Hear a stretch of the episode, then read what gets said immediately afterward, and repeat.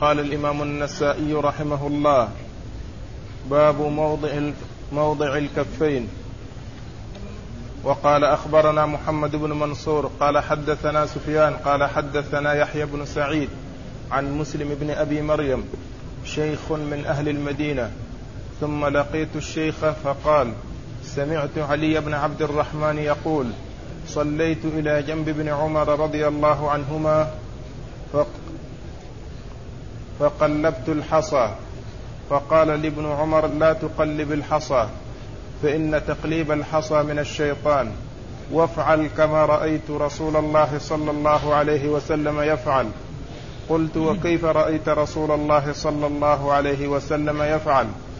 قال هكذا. ونصب اليمنى وأضجع اليسرى ووضع يده اليمنى على فخذه اليمنى. ويده اليسرى على فخذه اليسرى. وأشار بالسبابة.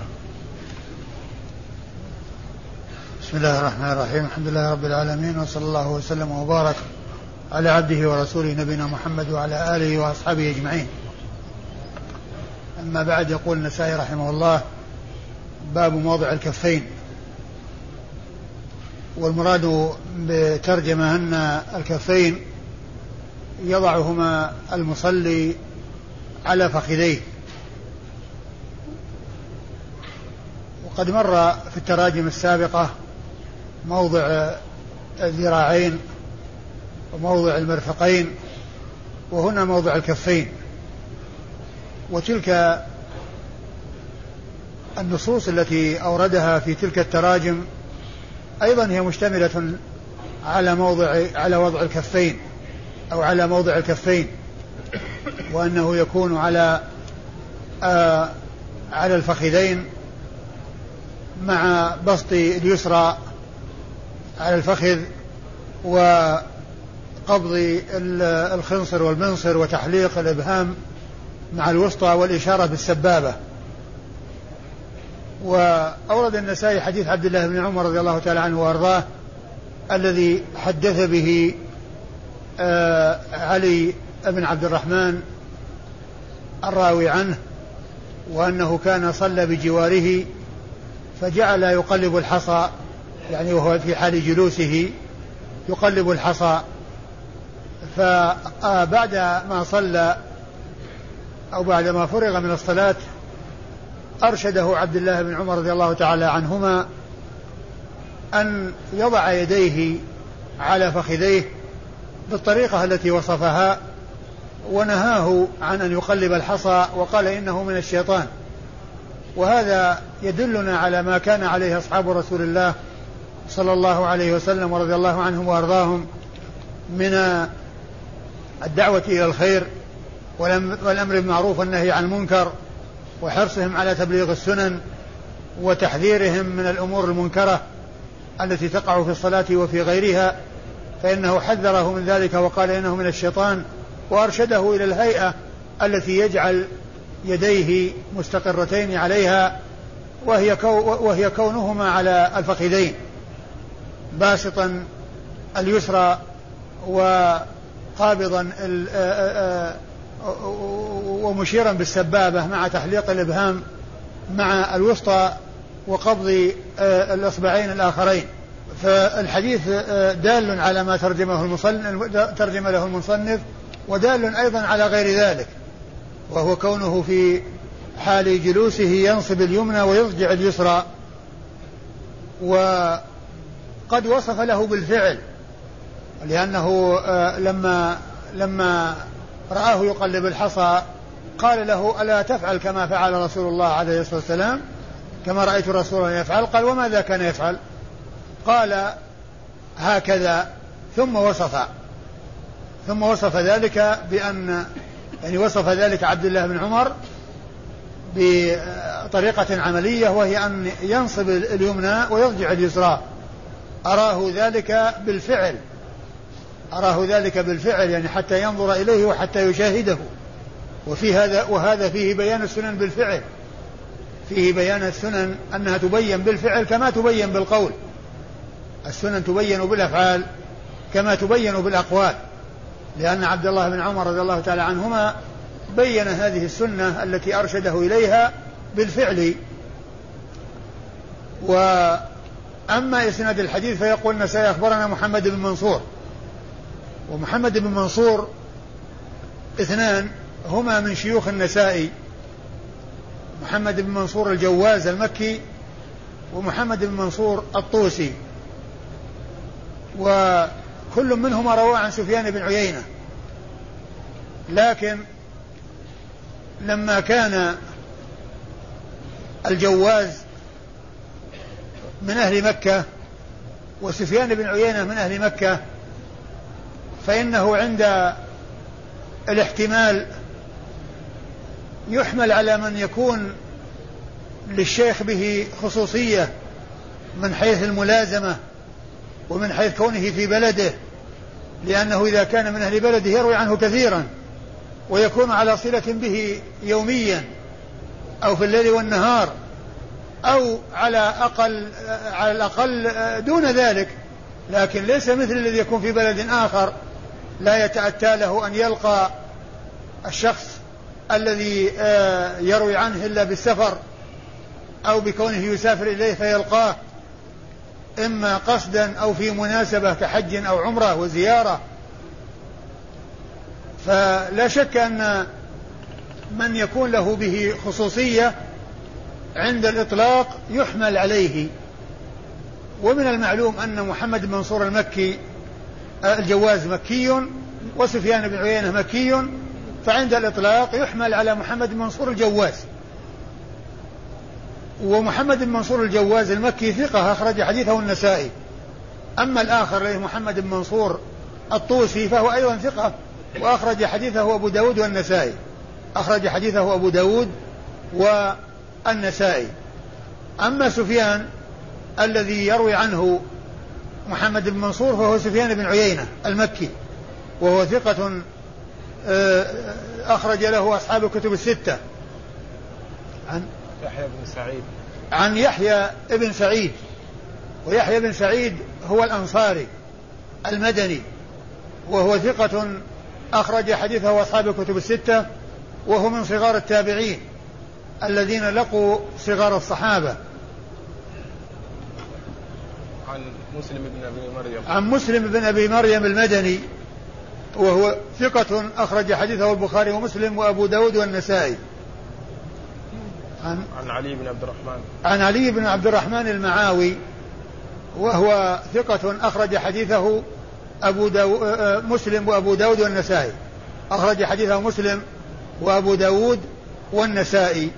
عن عبد الله بن عمر ابن الخطاب رضي الله تعالى عنهما وهو صحابي جليل وهو أحد العبادلة الأربعة من من من الصحابة.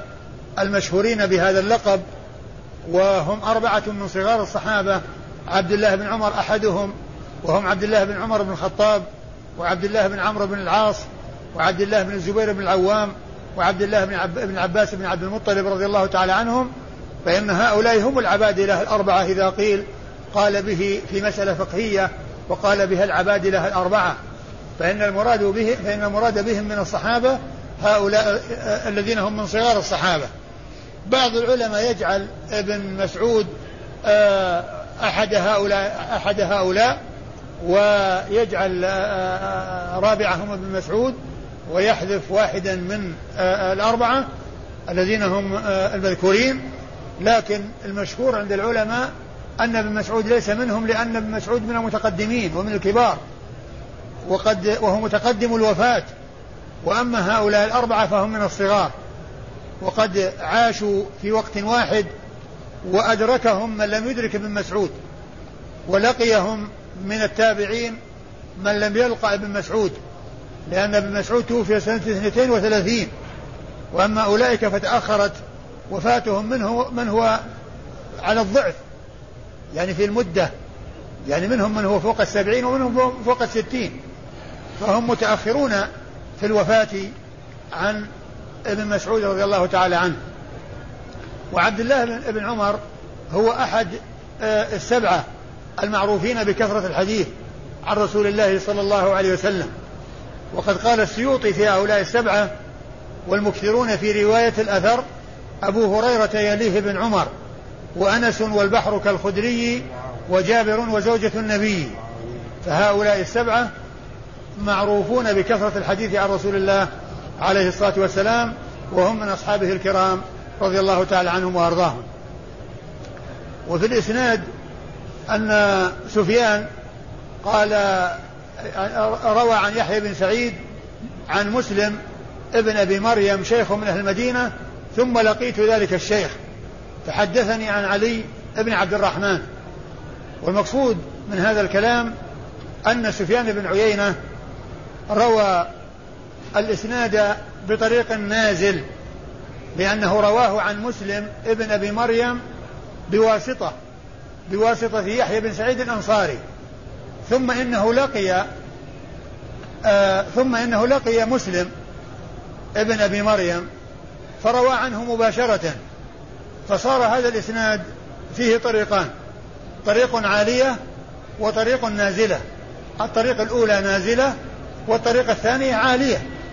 لأن سفيان في الطريق الأولى يروي عن يحيى بن سعيد الأنصاري عن مسلم بن أبي مريم عن علي بن عبد الرحمن المعاوي. وفي الطريقة الثانية آه، آه، يروي سفيان عن مسلم بن أبي مريم. نقص شخص واحد. يعني فصار الإسناد فيه طريقان.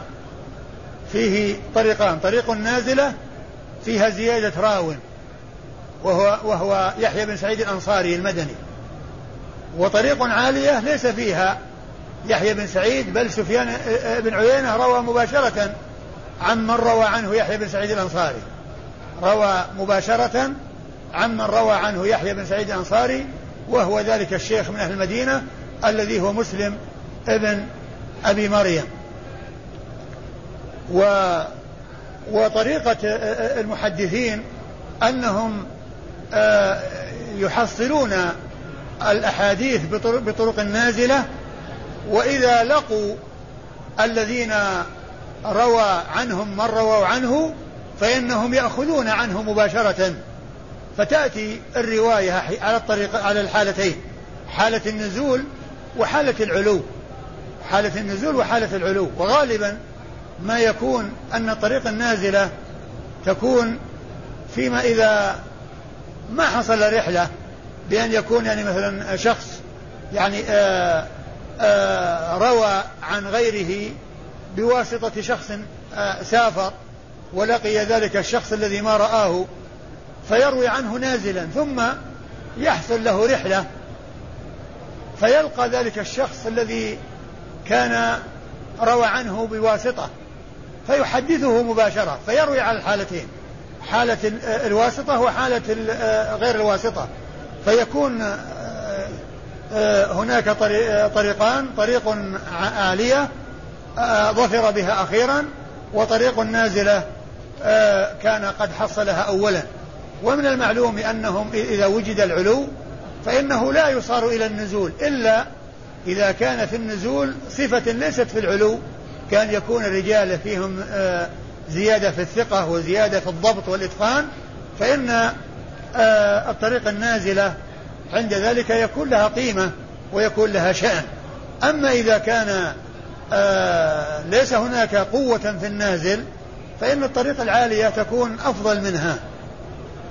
ويشبه هذا الذي جاء في الحديث أو في هذا الإسناد آه، من حيث أن سفيان بن عيينة روى عن يحيى بن سعيد الأنصاري عن مسلم بن أبي مريم ثم إنه لقي مسلم بن مريم فروى عنه مباشرة يعني من حيث آه أن العلو النزول أولا الطريق النازلة حصلها أولا ثم حصل الطريق العالية. يشبه هذا أيضا ما جاء عن سفيان بن عيينة آه، في آه، حديث الدين النصيحة وهو في صحيح مسلم. حديث تميم الداري رضي الله تعالى عنه. قال قال رسول الله صلى الله عليه وسلم الدين النصيحة. قالوا لمن يا رسول الله؟ قال لله ولكتابه ولرسوله ولأئمة المسلمين وعامتهم. فإن مسلما رواه بإسناد وفيه الإشارة إلى الطريق النازلة والعالية. يقول مسلم رحمه الله في كتاب آه، كتابه الصحيح حدثنا محمد بن عباد المكي. قال حدثنا سفيان. قال حدثنا سفيان.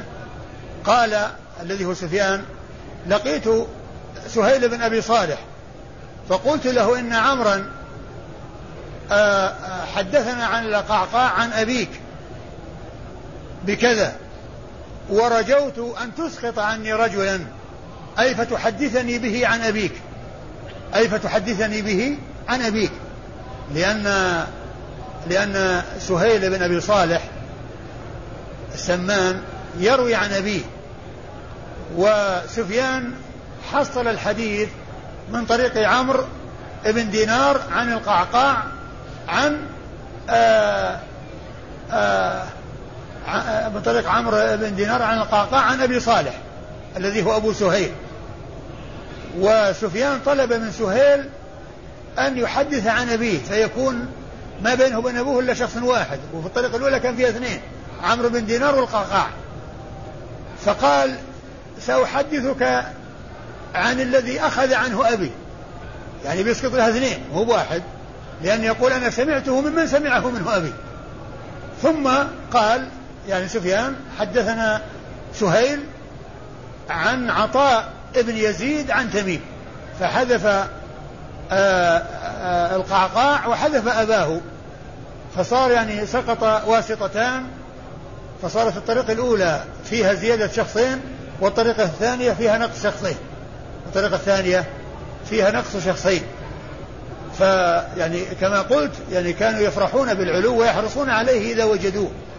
وإذا حصلوه نازلا ثم ظفروا به عاليا رووه من الطريق العالية. رووه من الطريق العالية. أيوه.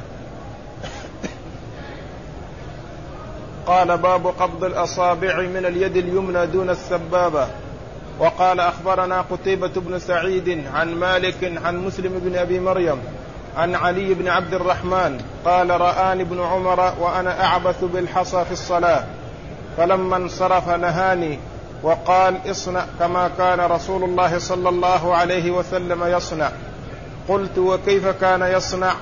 قال كان إذا جلس في الصلاة وضع كفه اليمنى على فخذه وقبض.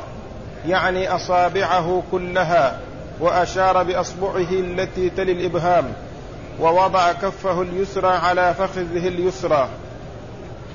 ثم ورد النسائي آه، حديث عبد الله بن عمر من طريق أخرى وفيها بيان الكيفية التي يفعلها عند الجلوس في الصلاة وهو أنه آه، في التشهد يضع اليسرى اليد اليسرى على الفخذ اليسرى ويقبض آه، أصابع اليمنى ويشير بالسبابة. يقبضها ما عدا ما عدا السبابة فإنه يشير بها.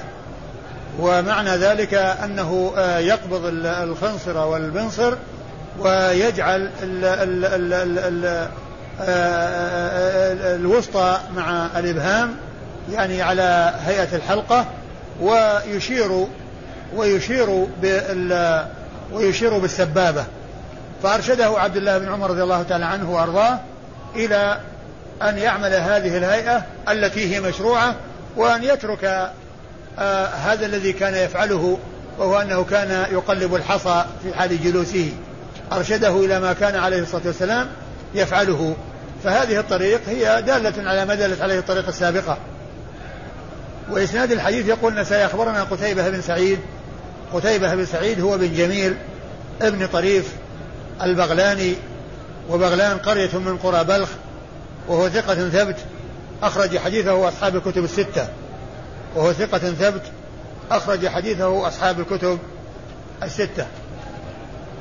عن مالك وهو بن أنس إمام دار الهجرة المحدث الفقيه الإمام المشهور أحد أصحاب المذاهب الأربعة من مذاهب أهل السنة المشهورة وهو من وحديثه عند أصحاب الكتب الستة. حديثه عند أصحاب الكتب الستة. وقتيبة بن سعيد آه، روى عن مالك ومالك توفي سنة 179 وقتيبة توفي سنة 240 قتيبة توفي سنة 240 لأنه عمر عمره تسعون سنة. لأنه ولد في السنة التي ولد فيها الشافعي وهي السنة التي مات فيها أبو حنيفة وهي سنة 150 وعاش بعد الشافعي آه، آه، ستا وثلاثين سنة. وأدرك مالك ومن قبل مالك لأنه معمر إذ بلغ عمره تسعين سنة. ويروي مالك عن عن مسلم. نعم. عن مسلم بن أبي مريم عن علي بن عبد الرحمن المعاوي عن ابن عمر وقد مر ذكرهم في الإسناد الذي قبل هذا. إيش؟ مثل لنا كيف كان يقبض النبي صلى الله عليه وسلم السبابة القبض يقبض قبض الخنصر والمنصر ويحلق الإبهام مع ال مع ال الوسطى ويشير بال بال بالسبابه. قال باب قبض الثنتين من أصابع اليد اليمنى واخذ الوسطى والإبهام منها. وقال أخبرنا سويد بن نصر قال أخبرنا عبد الله بن المبارك عن زائدة قال حدثنا عاصم بن كليب قال حدثني أبي أن وائل بن حجر رضي الله عنه قال قلت لأنظرن إلى صلاة رسول الله صلى الله عليه وسلم كيف يصلي فنظرت إليه فوصف قال ثم قعد وافترش رجله اليسرى ووضع كفه اليسرى على فخذه وركبته اليسرى وجعل حد مرفقه الأيمن على فخذه اليمنى. ثم قبض ثم قبض اثنتين من أصابعه وحلق حلقة. ثم رفع أصبعه فرأيته يحركها يدعو بها. مختصر. ثم ورد النسائي حديث آه وائل بن حجر. ترجمة. ترجمة. أيوه باب قال باب قبض الثنتين من أصابع اليد اليمنى وعقد الوسطى والإبهام منها. باب قبض الثنتين من من أصابع اليد اليمنى وعقد السبابة عقد الإبهام والوسطى منها. منها أي من اليد اليمنى. أورد فيه حديث وائل بن حجر رضي الله تعالى عنه أن أنه قال لأنظرن إلى صلاة رسول الله عليه الصلاة والسلام. قال ثم وصف ثم قال آه ثم قعد وافترش رجله ثم ثم قال ثم ثم قال وصف. قال فوصف قال ثم قعد وافترش نعم فوصف قال ثم قعد. يعني كلمة فوصف هذه يعني آه معناه انه فيها إشارة إلى شيء محذوف وإلى أنه اختصر لأنه ذكر يعني أشياء لم يذكر في هذه الرواية. يعني آآ آه، آآ آه، تلك وإنما أشار إليها بالوصف. ثم أتى بالمعطوف والمعطوف ثم أتى بالمعطوف وفيه الإشارة إلى المعطوف عليه لأن المعطوف عليه هو الذي قال عنه فوصف. ثم أتى بثم يعني معناه في كلام متقدم اكتفي بالإشارة إليه بوصف لأن المطلوب هو الاختصار ولهذا جاء في آخره مختصر. جاء في آخر الحديث قال مختصر. يعني معناه أن هذه الرواية في اختصار ولهذا قال فوصف بعد أن قال لأنظرن إلى صلاة رسول الله صلى الله عليه وسلم قال فوصف ثم قال يعني وصف أشياء إلى أن وصل إلى هذا الذي يريد أن يأتي به الراوي هنا. آه، فذكر ما يتعلق بالجلوس نعم. أو اليدين بس. قال ثم قعد وافترج, وافترج. نعم يعني ذكر الجلوس والافتراش وذكر فيما يتعلق باليدين وأنه وضع اليد اليسرى على الفخذ اليسرى والركبة معناه أنه على طرف الفخذ بحيث يكون طرفها على الفخذ يعني آه، آه، شيء منها على الركبة وشيء منها على الفخذ. وقبض اثنتين آه، من ها؟ وجعل حد مرفق مرفقه الأيمن على فخذه اليمنى. وجعل حد مرفقه الأيمن على فخذه اليمنى. يعني هذا سبق أن مر بالنسبة لموضع المرفقين وأنه يكون على الفخذ لكن من غير اعتماد من غير أن يعتمد ومن غير أن يكون هناك مجافاه في حال الجلوس لا يجافي وإنما يضع المرفق على الفخذ بدون اعتماد. بدون اعتماد بمرفقه على على فخذه. لا يعتمد عليه لا في الجلوس ولا في حال السجود أيضا. في حال السجود يجافي. ولا يضع ولا يضع العضد المرفق على الفخذ. وأما في حال الجلوس فإن المرفق تكون على الفخذ لكن من غير اعتماد. إيش؟ قال ثم قبض اثنتين من أصابعه ثم قبض اثنتين من أصابعه وحلق. وحلق ال ال وحلق حلقة. حلقة. إيه، ثم رفع أصبعه يعني حلقة اللي هي الإبهام مع السبابة. اللي الإبهام مع الوسطى. ثم رفع اصبعه فرأيته يحركها ثم رفع إصبعه فرأيته يحركها يدعو بها. فرأيته يحركها أي السبابة يدعو بها. ثم قال مختصر. يعني أن الحديث مختصر. والذي يشير إلى الاختصار الذي أشرت إليه في أوله حيث قال لأنظرن إلى رسول صلاة الرسول صلى الله عليه وسلم آه قال فنظرت إليه فوصف. فنظرت إليه فوصف يعني فكلمة وصف هذه هي التي تفيد آه المحذوف. نعم. الاسناد أخبرنا سويد بن نصر. أخبرنا سويد بن نصر المروزي وهو ثقة أخرج حديثه الترمذي والنسائي. عن عبد الله بن المبارك المروزي وهو ثقة ثبت جواد مجاهد عابد آه جمعت فيه خصال الخير. هكذا قال الحافظ بن حجر في التقريب عن هذا الرجل العظيم. وحديثه أخرجه أصحاب الكتب الستة. عن زائدة. عن زائدة بن قدامة الثقفي الكوفي وهو ثقة ثبت أخرج حديثه أصحاب الكتب الستة. عن عن عن عاصم بن عن عاصم بن كليب عن عاصم بن كليب بن شهاب وهو صدوق أخرج حديثه البخاري تعليقا ومسلم وأصحاب السنة الأربعة. عن أبيه كليب بن شهاب وهو صدوق أيضا أخرج حديثه البخاري في رفع اليدين وأصحاب السنن الأربعة. عن وائل بن حجر صاحب رسول الله صلى الله عليه وسلم وحديثه أخرجه البخاري في جزء القراءة ومسلم وأصحاب السنن الأربعة. قال باب بسط اليسرى على الركبة. آه، في الدرس الماضي جاء ذكر الربيع بن سليمان بن عبد الجبار الذي روى عنه آه، النسائي آه، حديثا مضى بالأمس. و وذكرت أن أنه ليس في تهذيب الكمال ذكر الرواية عن شعيب بن الليث بن سعد. وهو كذلك بالنسخة المخطوطة فإنه ليس فيها ذكر لكن كما هو معلوم هو موجود في تهذيب التهذيب وتهذيب التهذيب هو مأخوذ من, من تهذيب الكمال.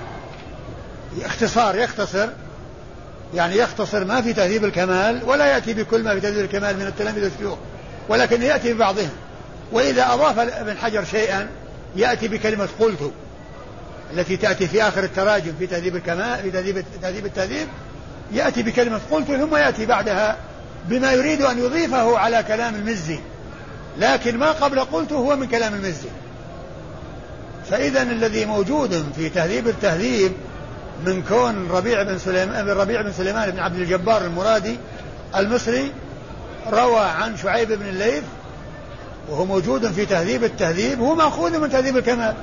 يعني معناه أن النسخة الموجودة هذه التي التي قد صورت وهي نسخة خطية وهي خالية من ذكر آه، رواية الربيع آه، بن سليمان بن عبد الجبار المرادي عن شعيب بن الليث بن سعد. يعني معناه أن النسخة التي أو أن الموجود في تهذيب التهذيب هو مأخوذ من تهذيب الكمال. معناه أنه موجود في يعني في آه، نسخ أخرى. والنسخة التي اعتمد عليها الحافظ بن حجر موجود فيها الذي هو رواية الربيع بن سليمان بن عبد الجبار عن الليث عن شعيب بن الليث بن سعد. وفي آه، آه، وفي وفي ترجمته أنا ذكرت أن تقريب التهذيب ذكر أنه آه، روى عنه أبو داود والنسائي وابن ماجه الذين الذين خرج خرجوا له الذين خرجوا للربيع بن سليمان بن عبد الجبار المرادي المصري هم أبو داود والنسائي وابن ماجه. وليس فيه ذكر الترمذي الترمذي. وتهذيب الكمال ذكر في الذين رووا عنه أبو داود والنسائي وابن ماجه. وفي آخر الترجمة قال وروى له الترمذي إجازة. وروى له الترمذي إجازة. يعني معناه أن الترمذي روى له أيضا بالإجازة روى له بالإجازة. وعلى هذا يكون روى له الأربعة. روى عنه الأربعة اللي هم أصحاب السنة الأربعة لكن الترمذي روى له إجازة. أيوة. اللي بعده. قال باب بسط اليسرى على الركبة.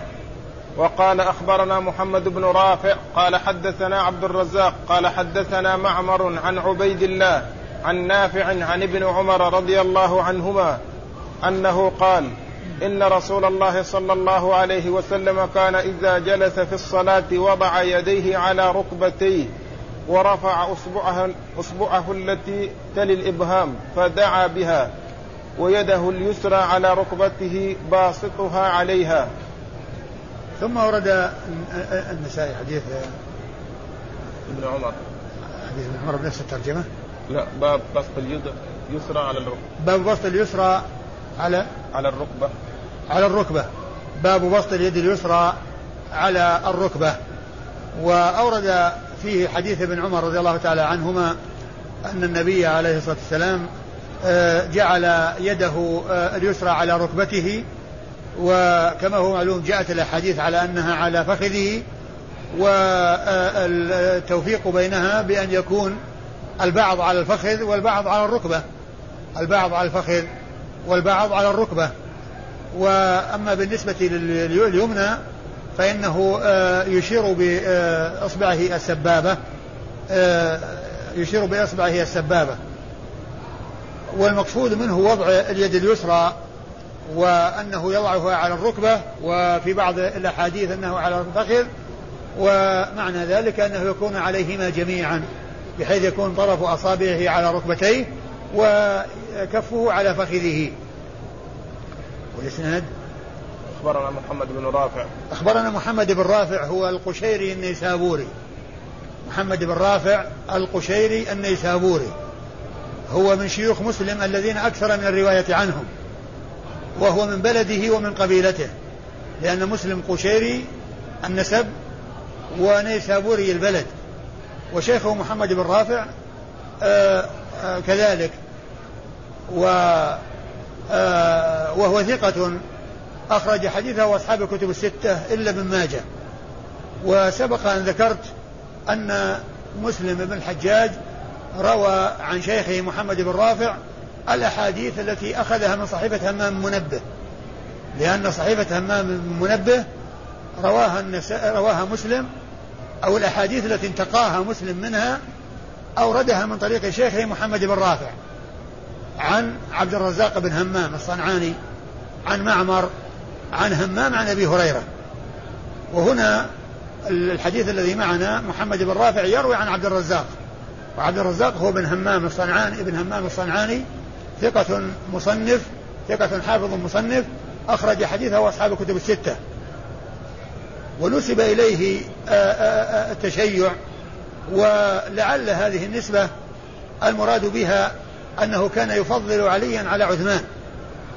وهذه وه يعني والتفضيل لعلي على عثمان قال به بعض العلماء من أهل السنة منهم عبد الرزاق هذا ومنهم ابن جرير ومنهم عبد الرحمن بن أبي حاتم ومنهم الأعمش. وليس هذا بقادح في الراوي وقد ذكر الشيخ الإسلام ابن تيمية في العقيدة الواسطية أن بعض أهل السنة قال بتقديم علي على عثمان في الفضل وإن كان وهو خلاف المشهور مذهب أهل السنة ومثل ذلك قال لا يبدع به وإنما الذي يبدع به القول بأن عليا أولى منه بالخلافة وأنه مقدم عليه بالخلافة لأن هذا اعتراض على ما اتفق عليه أصحاب رسول الله. عليه الصلاة والسلام من تقديم عثمان على علي رضي الله تعالى عن الجميع. آه، الحاصل أن عبد الرزاق وصف بالتشيع وتشيعه هو من هذا القبيل الذي لا يؤثر في آه، الرواية آه، في رواية لا يؤثر في رواية الراوي. وحديثه أخرجه أصحاب الكتب الستة. عن معمر وهو بن راشد البصري وهو ثقة حديثه عند أصحاب الكتب الستة. عن عبيد الله. عن عبيد الله وهو بن وهو بن عبيد عبيد الله بن عمر. ابن حفص بن عاصم بن عمر بن الخطاب. وهو عبيد الله الذي يقال له المصغر تمييزا له عن أخيه عبد الله المكبر. فإن عبيد الله بن ابن عمر بن حفص بن ابن عمر بن حفص بن عاصم بن عمر بن الخطاب ثقة ثبت. وأما أخوه عبد الله بن عمر فهو ضعيف. ويميزون بينهما بأن يقولوا المصغر والمكبر لأن عبيد الله بالتصغير وعبد الله بالتكبير. فيميز هذا بأن هذا بأن يقال المصغر والمكبر. فالمصغر الذي معنا ثقة ثبت والمكبر الذي هو عبد الله بن عمر أخوه هذا ضعيف. والذي معنا الذي هو المصغر ثقة ثبت أخرج حديثه أصحاب الكتب الستة أخرج حديثه أصحاب الكتب الستة. عن نافع مولى بن عمر وهو ثقة أخرج حديثه أصحاب الكتب الستة. عن ابن عمر وقد مر ذكره.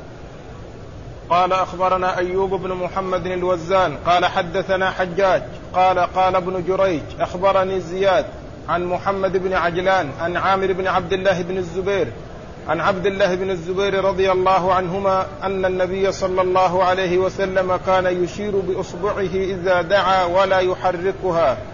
قال ابن جريج وزاد عمرو قال أخبرني عامر بن عبد الله بن الزبير عن أبيه أنه رأى النبي صلى الله عليه وسلم يدعو كذلك ويتحامل بيده اليسرى على رجله اليسرى. ثم أورد ثم أورد النسائي حديث عبد الله بن الزبير رضي الله تعالى عنهما وهو المتعلق بوضع اليد اليسرى. نعم. على الفخذ على الركبة.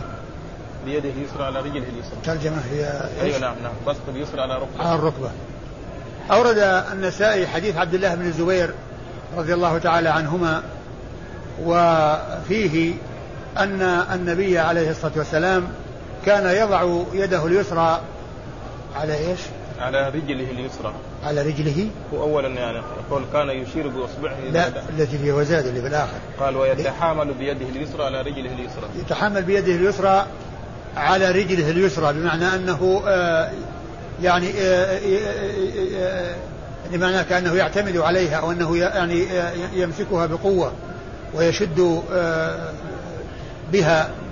يعني هذا هو المقصود بالتحامل على يد رجله اليسرى بيده اليسرى. وفي أول الحديث يقول أنه يشير بإصبعه ولا يحركها. وهذا يخالف ما جاء في بعض في الروايات الأخرى التي هي متقدمة. وفيها أنه كان يحركها يدعو بها. أنه كان يحركها يدعو بها.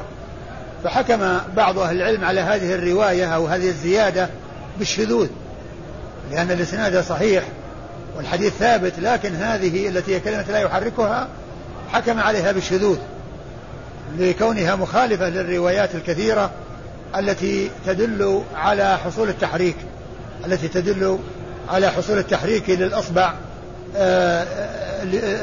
سبابة من اليمنى حين يدعو بها حين يحركها يدعو بها.